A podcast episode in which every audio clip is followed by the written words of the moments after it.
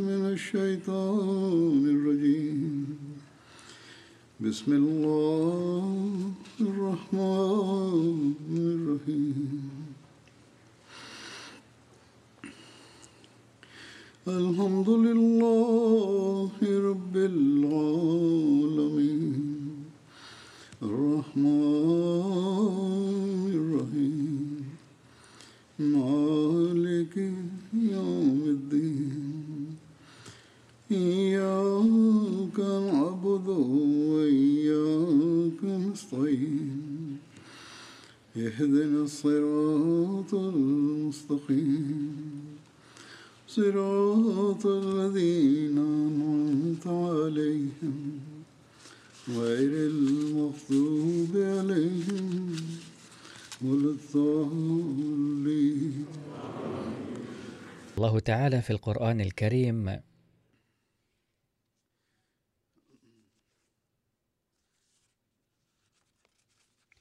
إن الله يأمركم أن تؤدوا الأمانات إلى أهلها.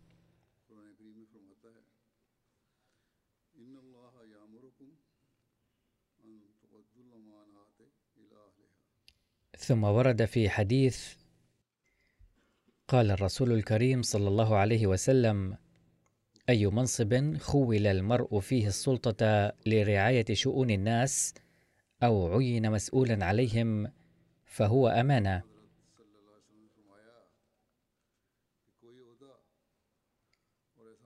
فمن هذا المنطلق فإن كل منصب أو أي خدمة تعهد إلى أحد في نظام جماعتنا هي أمانة.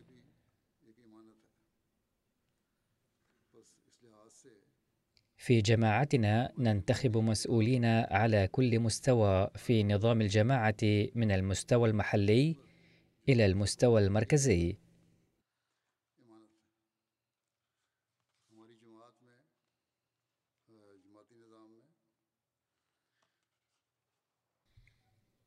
وبنفس الطريقة يتم الانتخاب في المركز ثم في التنظيمات الفرعية يتم تعيينهم بنفس الترتيب. سواء كان نظاما مركزيا أو نظام التنظيمات الفرعية يتم تعيين المسؤولين في كل مكان بدءا من المستوى المحلي إلى المستوى المركزي.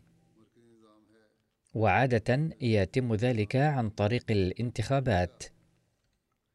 لذلك أمر الله تعالى أنه عندما تختارون هؤلاء المسؤولين فعليكم أن تختاروا من هم الأفضل. لذلك العمل في أعينكم في الظاهر ويمكنهم أداء حق هذه الأمانة.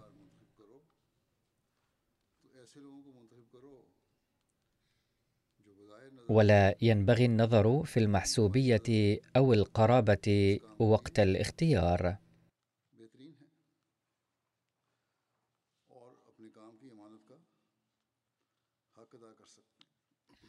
في بعض الأحيان يتم تعيين بعض المسؤولين مركزيا أو مباشرا من قبل الخليفة. وأحاول تعيين أفضل شخص متاح لذلك العمل.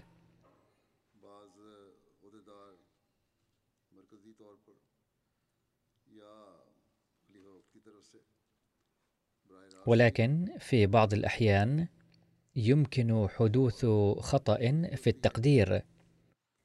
أو قد تتغير حالة بعض الناس بعد الحصول على منصب ولا تبقى فيه روح العمل بالتواضع والجهد والعدالة التي يجب أن تكون في المسؤول.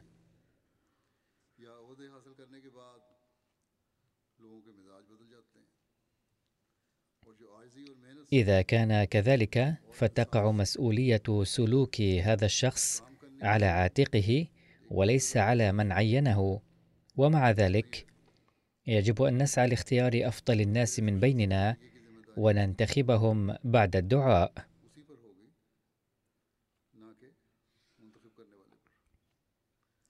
باختصار عادة يسعى عموما للتأكيد من أن الشخص الذي عين لمنصب لا يكون ممن يتقدم فقط من أجل أن يصبح مسؤولا.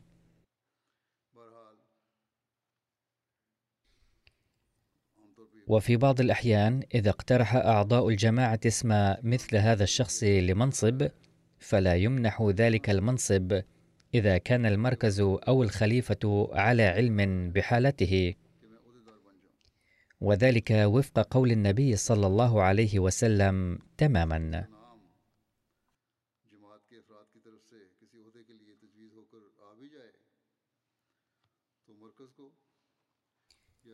ورد في حديث أن رجلين جاءا إلى النبي صلى الله عليه وسلم فقالا نرجو أن تعهد إلينا كذا وكذا من المسؤوليات فنحن مؤهلان لها.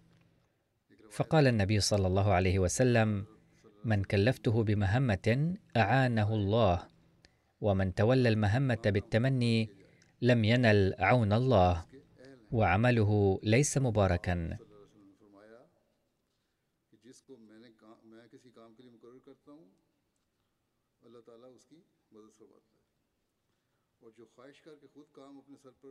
لذلك يجب ألا يحاول المرء أبدا الحصول على منصب برغبته في هذا المنصب. نعم يجب أن يكون لديه شغف بالخدمة الدينية. بأن يجد فرصة الخدمة مهما كان نوع هذه الخدمة. يجب أن يسعى جاهدا للقيام بها.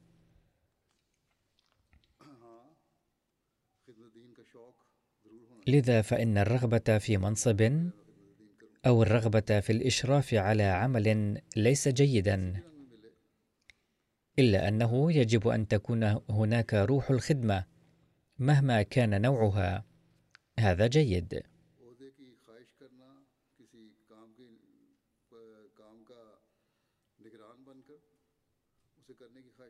فيجب على الناخبين أيضا أن يضعوا أمامهم دوما هذه الأشياء وحكم القرآن الكريم وقول الرسول الكريم صلى الله عليه وسلم أيضا بأن انتخبوا بعد الدعاء. من ترونه الأنسب للخدمة.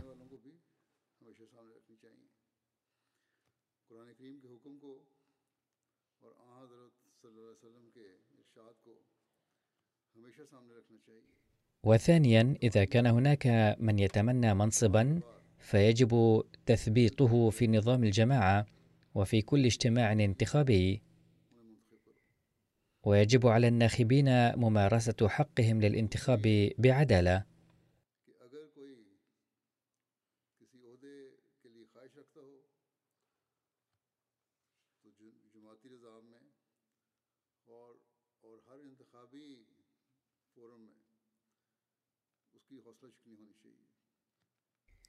وبشكل عام فإن طريق الانتخاب هي أن يعرض على خليفة الوقت رأي انتخاب المسؤولين على المستوى المركزي للبلاد مع نتائج الانتخابات.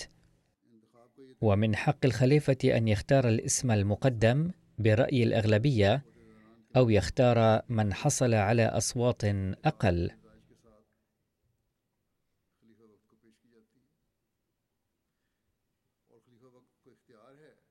في بعض الأحيان يعلم المركز وخليفة الوقت بظروف أو ببعض المعلومات عن ذلك الشخص والرجل العادي لا يعرفها. لذلك ليس من الضروري اختيار رأي الأغلبية في كل حال.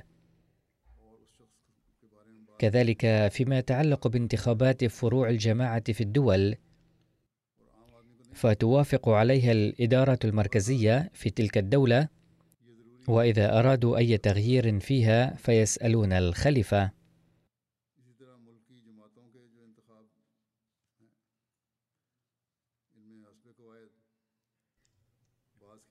على أي حال يسعى قدر الإمكان ليتيسر مسؤولون جيدون ونشيطون. ولكن في بعض الأماكن لا بد من الانتخاب من بين الأشخاص المتاحين. ولكن هنا مرة أخرى يجب على الناخبين أن يراعوا أنهم ينتخبون اشخاصا يؤدون حق الأمانة بوجه أحسن حسب قدراتهم. ويجب ألا يصوتوا في حق من يطلب الإمارة أو نظرا إلى الصداقة أو القرابة أو بسبب رؤية أن معظم الأيدي قد رفعت في حق شخص ما. لذا يجب أن أرفع أنا أيضا يدي في حقه. هذا يتعارض مع حكم الله تعالى وتعليم النبي صلى الله عليه وسلم.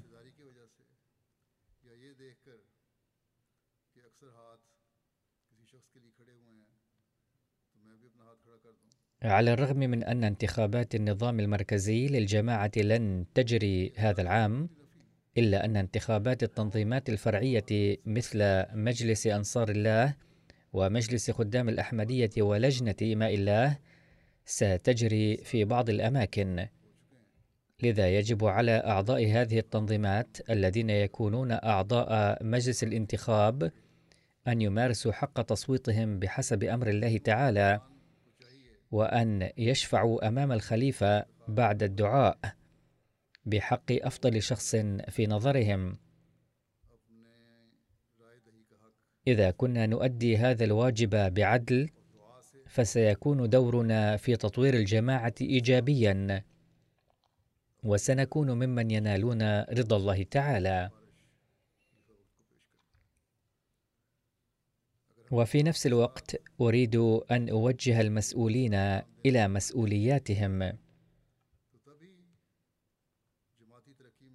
لا شك أن مسؤولي الجماعة قد انتخبوا ولكن يجب أن يكونوا واعين بمسؤولياتهم دوما وينبغي أن يراعوا أن الله تعالى قد وفقهم للخدمة.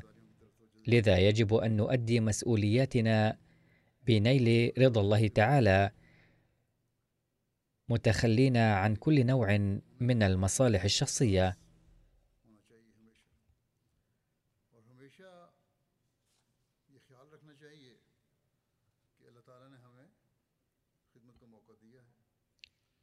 وتصلني شكاوى عن بعض المسؤولين بأنهم يفتقرون إلى التواضع في تعاملهم ويظهرون أنهم أصبحوا شخصيات غير عادية بعد نيل المنصب. لا أقول أنهم أصبحوا فراعنة ولكنهم على أي حال يحسبون أنفسهم كبيرين. خاصة المسؤولين الذين يتم تعيينهم وهم مواقفو الحياة أيضا. إذا نشأ فيهم هذا الشيء فلا يمكن التسامح اطلاقا. لقد تم تعيين بعض واقفي الحياة كالسكرتير العام للجماعة فجاءت الشكاوى عنهم أن في أسلوبهم تكبر حتى لا يردون على تحية السلام. يجب على مثل هؤلاء أن يصلحوا أنفسهم وأن يخضعوا إلى الأرض لما وفقهم الله للخدمة.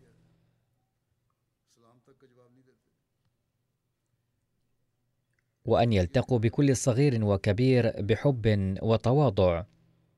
لقد تم تعيينكم لكي تخدموا أبناء الجماعة وليس لفرض أي نوع من البيروقراطية عليهم.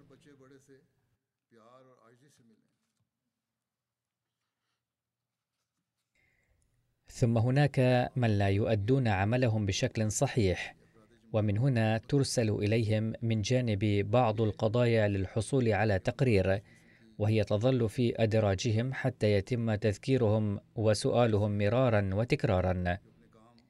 وبعد ستة أشهر أو سنة يكتبون خطاب اعتذار ويقولون إننا قد أخطأنا إذ لم نستطع القيام بالواجب في الوقت المناسب.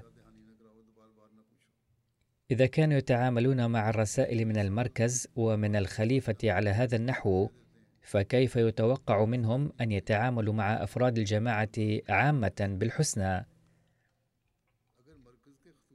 فعليهم أن يصلحوا أنفسهم وإلا سيعزلون عن الخدمة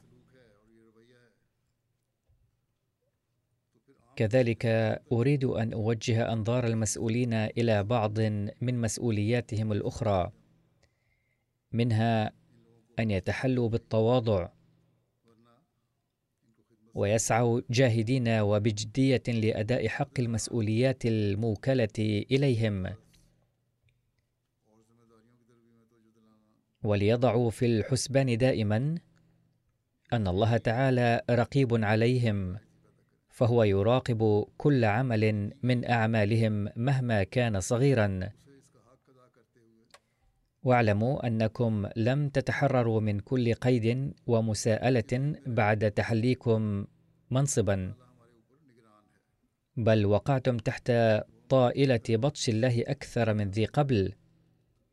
اعلموا أن الناس انتخبوكم واضعين ثقتهم فيكم وقد قبلكم خليفة الوقت للخدمة لذا عليكم أن تكونوا عند حسن ظن الخليفة دائما.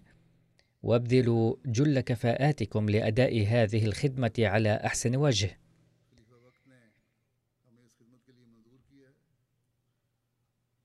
إذا كان ذلك في حسبانكم عندها فقط ستنشأ فيكم روح العمل على خير ما يرام وستحظون بتعاون أفراد الجماعة أيضا.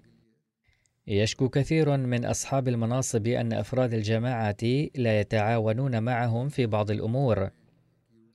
لا شك أنه من واجب أفراد الجماعة أن يتعاونوا مع الذين انتخبوهم للخدمة. ولكن إلى جانب ذلك يجب على أصحاب المناصب أيضا أن يضربوا أمثلة عليا أمام أفراد الجماعة.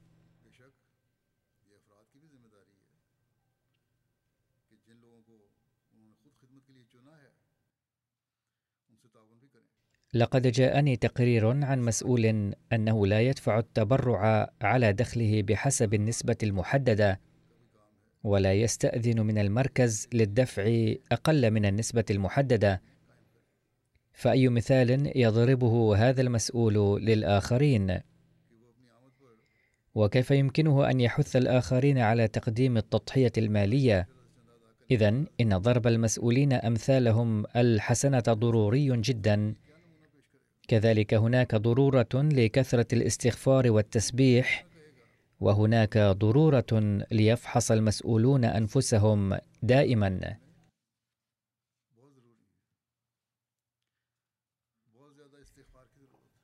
فإذا كان سكرتير التربية لا يلتزم بأداء الصلوات الخمس جماعة فأن له أن ينصح الآخرين بالتزامها.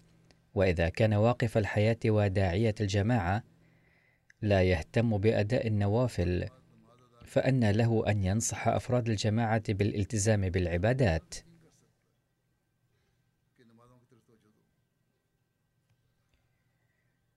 لقد وجه المسيح الموعود عليه السلام أنظارنا إلى هذا الأمر وقال ما معناه إن المشايخ غير الأحمديين ينصحون الناس ولكن أعمالهم لا تطابق نصائحهم. لذا لا تسفر نصائحهم عن أي تأثير.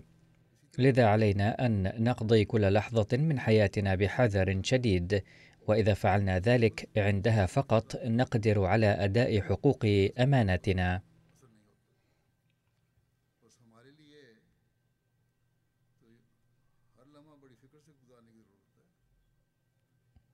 فلو قام كل سكرتير للتربية بتربية أفراد الجماعة بالحب والود ضاربا قدوته السامية. لاستطاعوا أن يحدثوا في أفراد الجماعة تغييرا ثوريا. يجب على كل ذي منصب أن يصلي ركعتي نفل على الأقل كل يوم لتحسين دائرة مسؤوليته ويبارك الله في عمله. فمثلا إذا أصبح قسم التربية نشيطا لصارت 60% من الأقسام الأخرى بحسب رأيي نشيطة تلقائيا ولا عملت بأسلوب أحسن مما سبق. يجب أن يتذكر أصحاب المناصب أن عليهم أن يضربوا أمثلتهم السامية دائما ولا سيما الأمراء في البلاد والرؤساء في فروع الجماعة وكل واحد من سكرتير التربية وغيرهم أيضا. فلا يظنن أحد أن ما قلته انفا إنما هو موجه إلى المذكورين انفا فقط وغيرهم منها براء. ولا أقصد من توجيه أنظار هؤلاء المذكورين قط أنه إن لم ينتبه إليه غيرهم فلا بأس بل الحق أنه لن تتقدم الجماعة ما لم يفعل ذلك كل واحد دون استثناء. وكلام السابق لا يعني أنه إن لم يضرب المسؤولون أمثلتهم الحسنة فلا بأس بل هناك بأس كبير إن لم يفعلوا ذلك. فمثلا إذا كان سكرتير المال لا يدفع تبرعاته بكل حذر وحيطة فماذا عسى أن يقول للآخرين؟ كما قلت من قبل وهل ستكون في كلامه إيه بركة؟ وإذا كان سكرتير التبليغ بنفسه لا يؤدي حق التبليغ فكيف يمكن أن ينشط في هذا المجال أفراد الجماعة الآخرين؟ إذا كل قسم مهم بحد ذاته. كذلك هناك رؤساء في منظمات الجماعة الفرعية وأعضاء الهيئات الإدارية التي تعمل تحتهم. فلا بد من تنشيط المنظمات الفرعية أيضا على جميع الأصعدة. تأتيني الشكاوى أحيانا عن رئيس لجنة إماء الله المحلية مثلا ومن أماكن أخرى أيضا أن المبايعات الجدد لا يتصرفن بما يليق وتصبح المسؤولات سببا لإبعادهن عن الجماعة بدلا من جذبهن إليها إذ يقولن للمبايعات بأسلوب غير مناسب بأننا سوف نصلحكن بطريقة كذا وكذا. بينما تكون رئيسة لجنة اماء الله جديرة بالإصلاح بنفسها. وهذا يحدث لأن بعض الأشخاص يحتلون المناصب نفسها إلى مدة طويلة.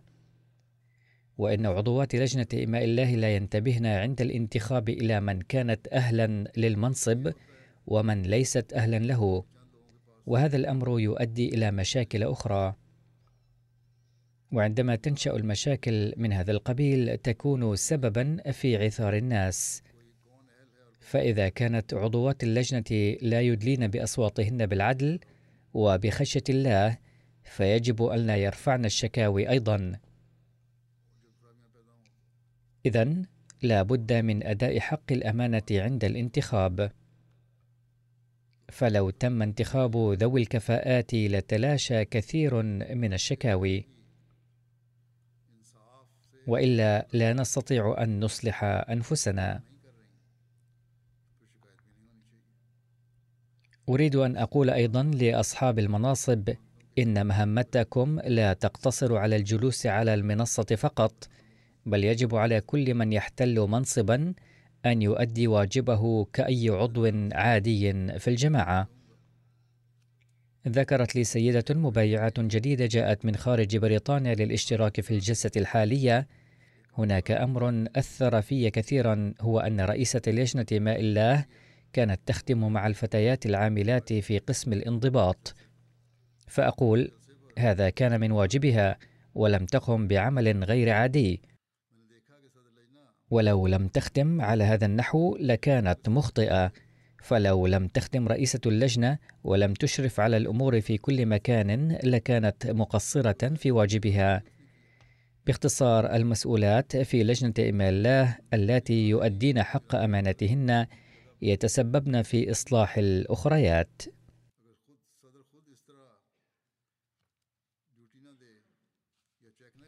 إذا يجب على أصحاب المناصب في جماعتنا أن يضعوا في الحسبان أن النبي صلى الله عليه وسلم يقول: سيد القوم خادمهم، كذلك من واجب كل مسؤول في الجماعة أن يكون على تواصل شخصي مع أفراد الجماعة ويوطد علاقته معهم ويشترك في أفراحهم وأتراحهم. وينشئ في كل أحمدي شعورا أن نظام الجماعة قد أسس لخلق عواطف المواساة بين أفراد الجماعة وليهتم بعضهم ببعض وليس الهدف منه أن أحدا رئيس وآخر مرؤوس وأن أحدا كبير وغيره صغير. بل كلنا سواسية وإخوة ونسعى جاهدين بقدر كفاءاتنا لإكمال مهمة المسيح الموعود عليه السلام.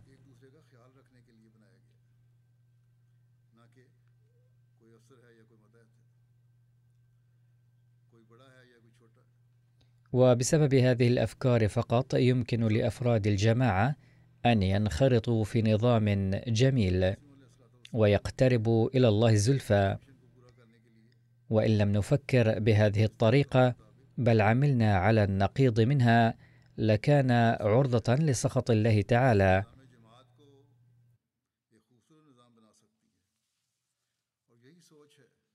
فقد جاء في رواية عن معقل بن يسار قال سمعته من رسول الله صلى الله عليه وسلم فقال ما من وال يلي رعية من المسلمين فيموت وهو غاش لهم إلا حرم الله عليه الجنة.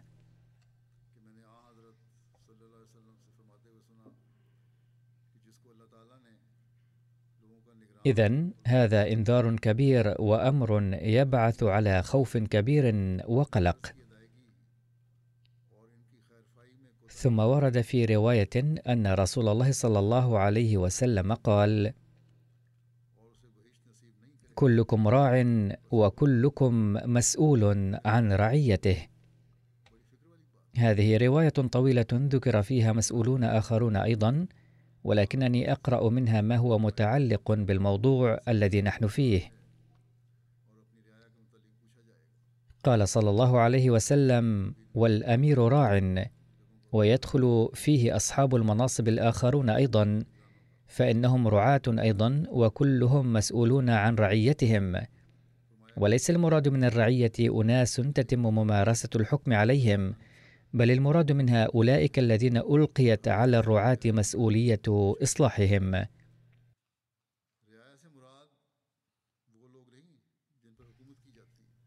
ثم ورد في الحديث نفسه أن الرجل راع على أهل بيته. أي زوجته وأولاده فإنه ليس راعيا لممارسة الحكم عليهم بل لوضع خطط لخيرهم ولقضاء حاجاتهم. فإذا كانوا لا يؤدون هذه المسؤولية فإن الجنة تحرم عليهم وفق تعليم النبي صلى الله عليه وسلم. فإذا كان هؤلاء الذين عينوا مشرفين ورعاة وفوضت إليهم المناصب لا يؤدون مهامهم بشكل صحيح في مناطقهم ومع ذلك نصبوا أنفسهم مندوبين مزعومين عن الخليفة فإنهم يشوهون اسم خليفة الوقت ويجعلونه مذنبا. لقد ضربت مثالا أنهم يؤخرون التقارير لشهور فلا يرسلونها.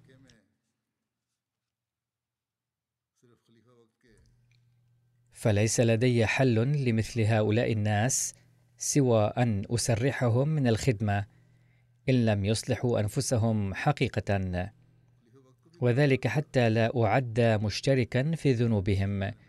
فإنني أستغفر الله تعالى وعلى هؤلاء أيضا أن يستغفروا ويصلحوا أنفسهم.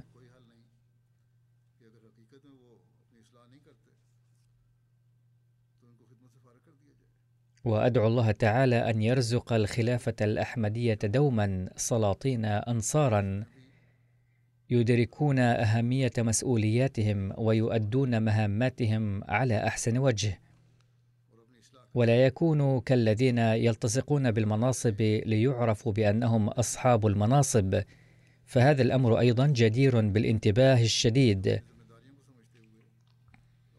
ولقد أمر النبي صلى الله عليه وسلم بهذا الخصوص قائلا من ولي أمر المسلمين فاحتجب دون حاجاتهم وخلتهم وفقرهم احتجب الله عنه دون حاجته وخلته.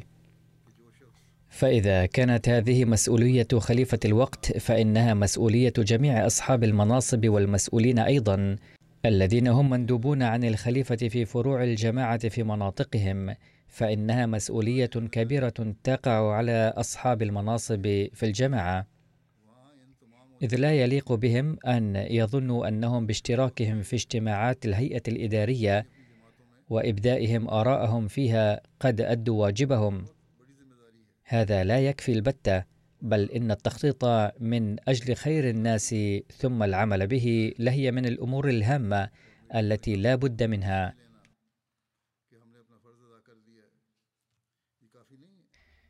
كما ينبغي إيجاد أمثل حل ممكن لحاجات الناس ضمن حدود إمكانياتنا.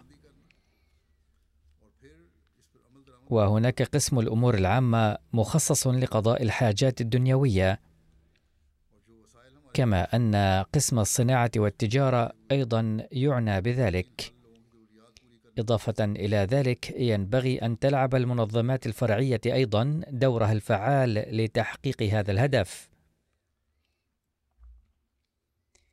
لا شك أن إمكانياتنا قليلة ولكن استخدامها بطريق أحسن مع تخطيط محكم ومناسب يمكننا من مساعدة الكثيرين.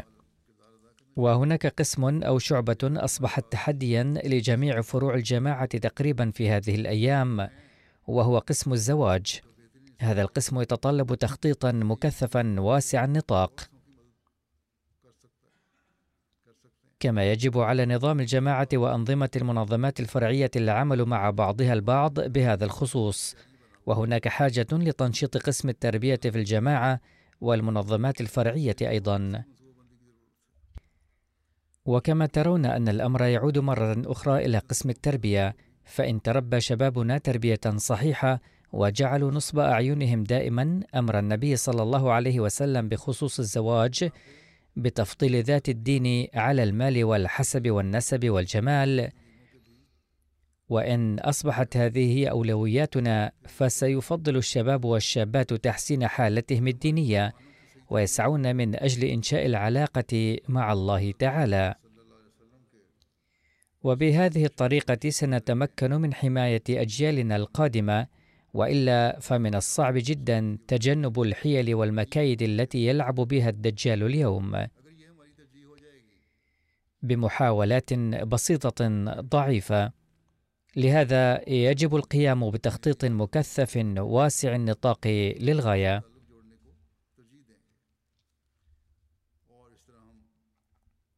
فكل مسؤول يحتاج اولا إلى إصلاح نفسه وأهله. ثم هناك حاجة إلى تنبيه أفراد الجماعة إلى هذا الأمر وذلك حتى لا يكون عهدنا لإيثار الدين على الدنيا مجرد قول من أفواهنا بل ينبغي أن يتحول كل واحد منا إلى صورة عملية له.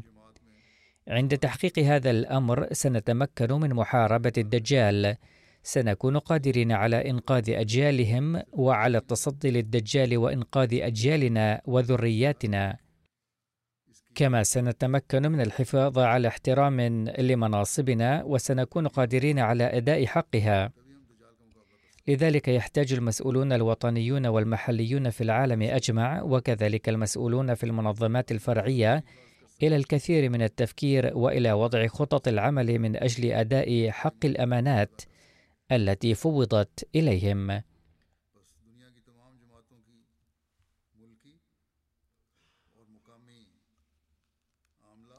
لقد قدمت مثالا مختصرا لقسم الأمور العامة قبل قليل. يوجد في نظام الجماعة قسم عن الشؤون العامة ويعتبر هذا القسم أيضا مهما جدا وهو مهم للغاية. ولكن هناك انطباع بشكل عام عن هذا القسم أنه مخصص بمعاقبة الأشخاص أو تحذيرهم تحذيرا شديدا. فيجب أن يعرف العاملون في قسم الشؤون العامة في كل مكان في العالم أنه ليس لهم هذا العمل الوحيد فقط بل هو جزء من أعمالهم. أما التشديد على الناس وإعطاء التحذيرات الصارمة فليس من أعمالهم في كل الأحوال. بل إذا تفاقم الأمر في قضية من القضايا وبلغ ذروته فهنالك يوصى بمثل هذا الأمر كعقاب. ولا سيما عندما لا يبقى هناك أي حل آخر للقضية. وهنا أقول مرة أخرى إنه إذا كان قسم التربية نشطا حلت كثير من مشاكل قسم الشؤون العامة والتي تتعلق بالخلافات والخصومات بين أفراد الجماعة أو أنها تتعلق بتورط بعض أفراد الجماعة في الأنشطة غير اللائقة. أو التي تتعلق بمحاولة المعارضين أو محاولة بعض ضعاف الإيمان لبث اضطرابات وقلاقل في صفوف الجماعة. وحدث أحيانا أن قسم التربية أنشأ علاقة خاصة مع أفراد الجماعة ثم حاول حل المشاكل فنجح فيها. فحيثما زالت شكاوى الناس من خلال هذه المحاولات المذكورة وزال عن الناس سوء الظن بنظام الجماعة أصبحوا يحترمون قرارات الجماعة وصاروا يقبلونها باحترام. وبالتالي أخفقت محاولات المعارضين لاستغلال المنافقين أو الظانين بنظام الجماعة ظن السوء. لذلك هناك حاجة ماسة لأن يعمل قسم التربية والشؤون العامة معا في بعض الحالات. وكما قلت فإن عمل قسم الشؤون العامة واسع جدا. ومن واجب هذا القسم وضع برامج من أجل الاستقرار الاقتصادي في الجماعة. كما أن من أعماله هو توجيه أفراد الجماعة ومساعدتهم من أجل التوظف والانتفاع من وسائل المعيشة الأخرى. ومن أعماله القيام بخدمة الخلق ومن واجباته إنهاء النزاعات من خلال إفهام الناس بالمودة والمحبة وإستاء النصيحة لهم. وما إلى ذلك. ولكن بالنسبة إلى الأمور القضائية فلا دخل فيها لقسم الشؤون العامة ولا يخول له أن يصدر قرارات بخصوصها. لا شك أن من واجب هذا القسم تنفيذ قرارات القضاء ولكن بعد صدور القرار. إذا كان أحد الفريقين يماطل في تنفيذه وعدم الامتثال له فإن مهمة قسم الشؤون العامة أن يوصيه بكل هدوء ويفهمه أنه لماذا يفسد دينه بعدم الالتزام بهذا القرار؟ ولماذا يخاطر بدينه من أجل مصلحة دنيوية بسيطة؟ إن مثل هؤلاء الناس يضيعون وقتي أنا أيضا. إذ يكتبون إلي مرارا وتكرارا حول الأمر نفسه على الرغم من أنهم مخطئون.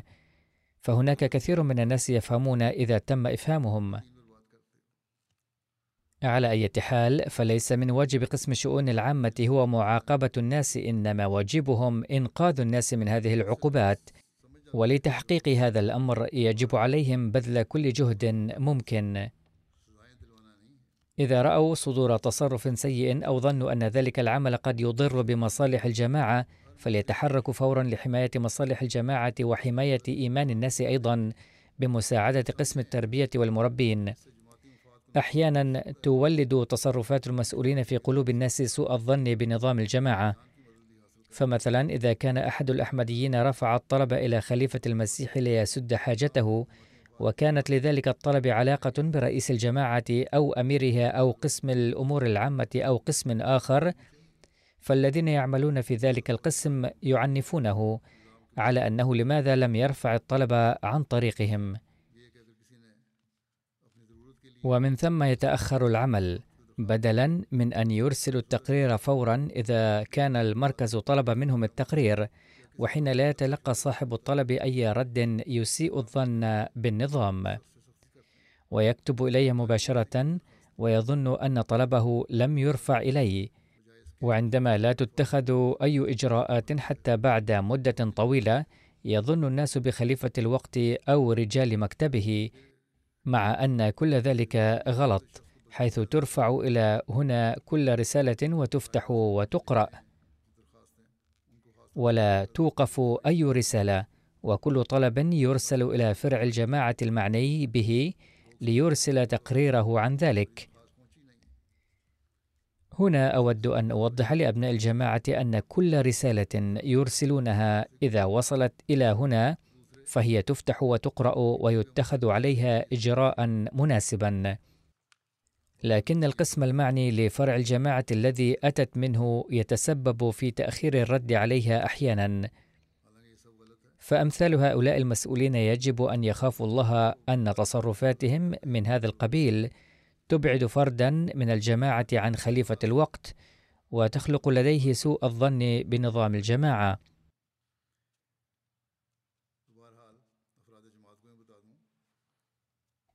وبذلك يرتكب ذلك المسؤول ذنبا. فهو بتلاعبه مع إيمان أحدهم يحمل نفسه ذنبا. فعلى أمثال هؤلاء أن يتحلوا بالتقوى.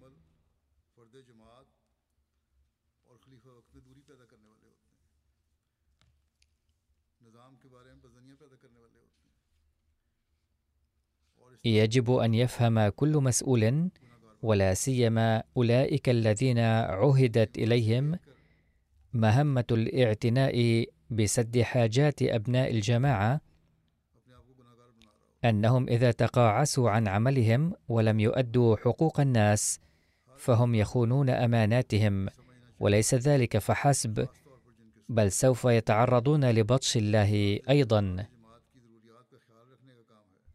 فقد ورد في رواية قول النبي صلى الله عليه وسلم ما من إمام والمراد منه كل مسؤول يغلق بابه دون ذوي الحاجة والخلة والمسكنة إلا أغلق الله أبواب السماء دون خلته وحاجته ومسكنته.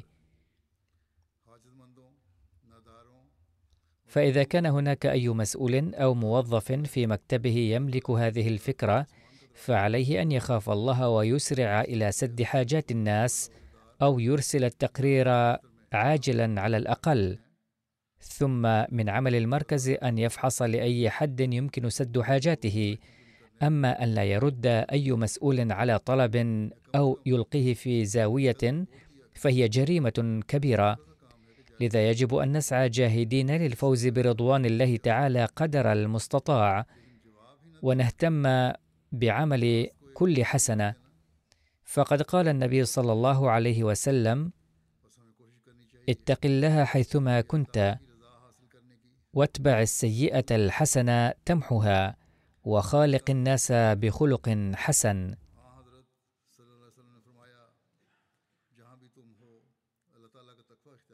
وكذلك ورد في رواية أن النبي صلى الله عليه وسلم بعث أبا موسى الأشعري ومعاذ بن جبل إلى إقليمين من اليمن فقال لهما يسرا ولا تعسرا وبشرا ولا تنفرا.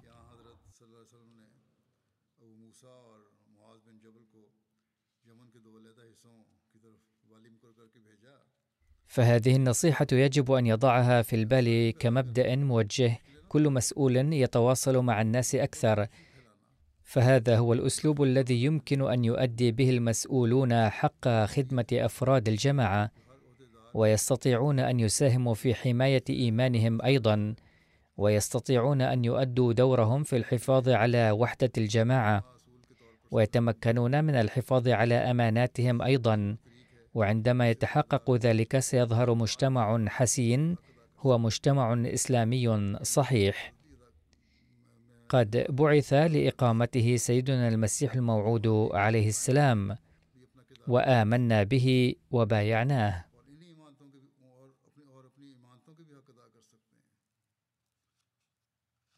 اذا يجب أن يتذكر المسؤولون دوما أن أفراد الجماعة انتخبوهم أو مستقبلا سينتخبونهم لكي يؤدوا حق أماناتهم. أما إذا كان المنتخبون لم ينتخبوهم بهذه الفكرة فمن الواجب الآن على المسؤولين أن يؤدوا حق الأمانات التي سلمها الله لهم ويؤدوا واجباتهم بصدق النية وبخشية الله وابتغاء مرضات الله ولكي يكونوا مساعدين مخلصين لخليفة المسيح ويؤدوها لتقوية إيمان الناس ونفعهم جهد المستطيع. وعندما ستكون لهم هذه الفكرة ويؤدون بها واجباتهم فسوف يبارك الله في أعمالهم ويعينهم وينصرهم في كل ميدان.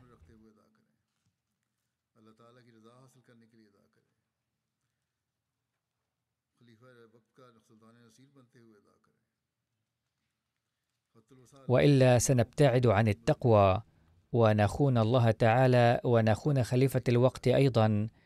ونضر إيمان من وثقوا بنا سواء كانوا مصيبين في ذلك أو مخطئين.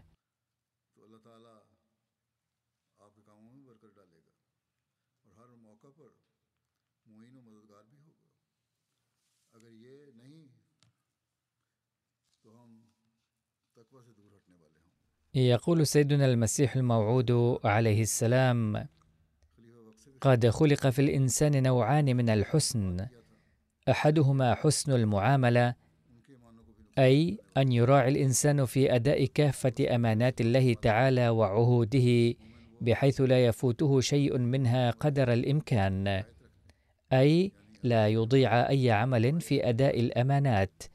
كذلك من واجب المرء أن يعير أمانات الخلق وعهودهم الاهتمام نفسه أي يتقي الله في أداء حقوقه تعالى وحقوق العباد. فهذا هو حسن المعاملة. أو يمكن أن تقولوا إنه هو الجمال الروحاني.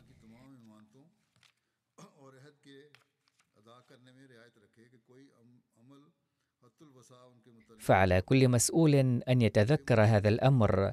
علينا أن نخلق في نفوسنا جمالا روحانيا والمسؤولون هم قد وجهت إليهم هذه النصائح بوجه خاص.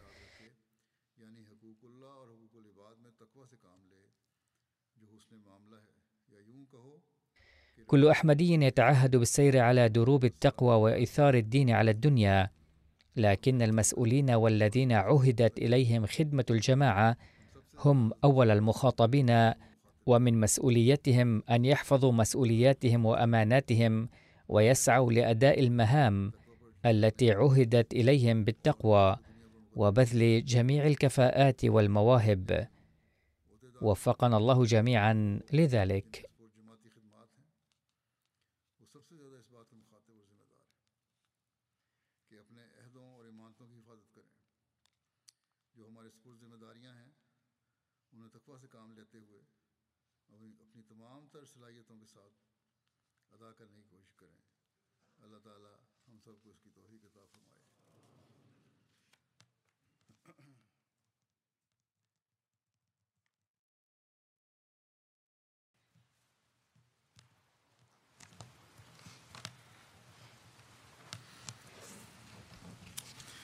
الحمد لله الحمد لله نحمده ونستعينه ونستغفره ونؤمن به ونتوكل عليه ونعوذ بالله من شرور أنفسنا ومن سيئات أعمالنا.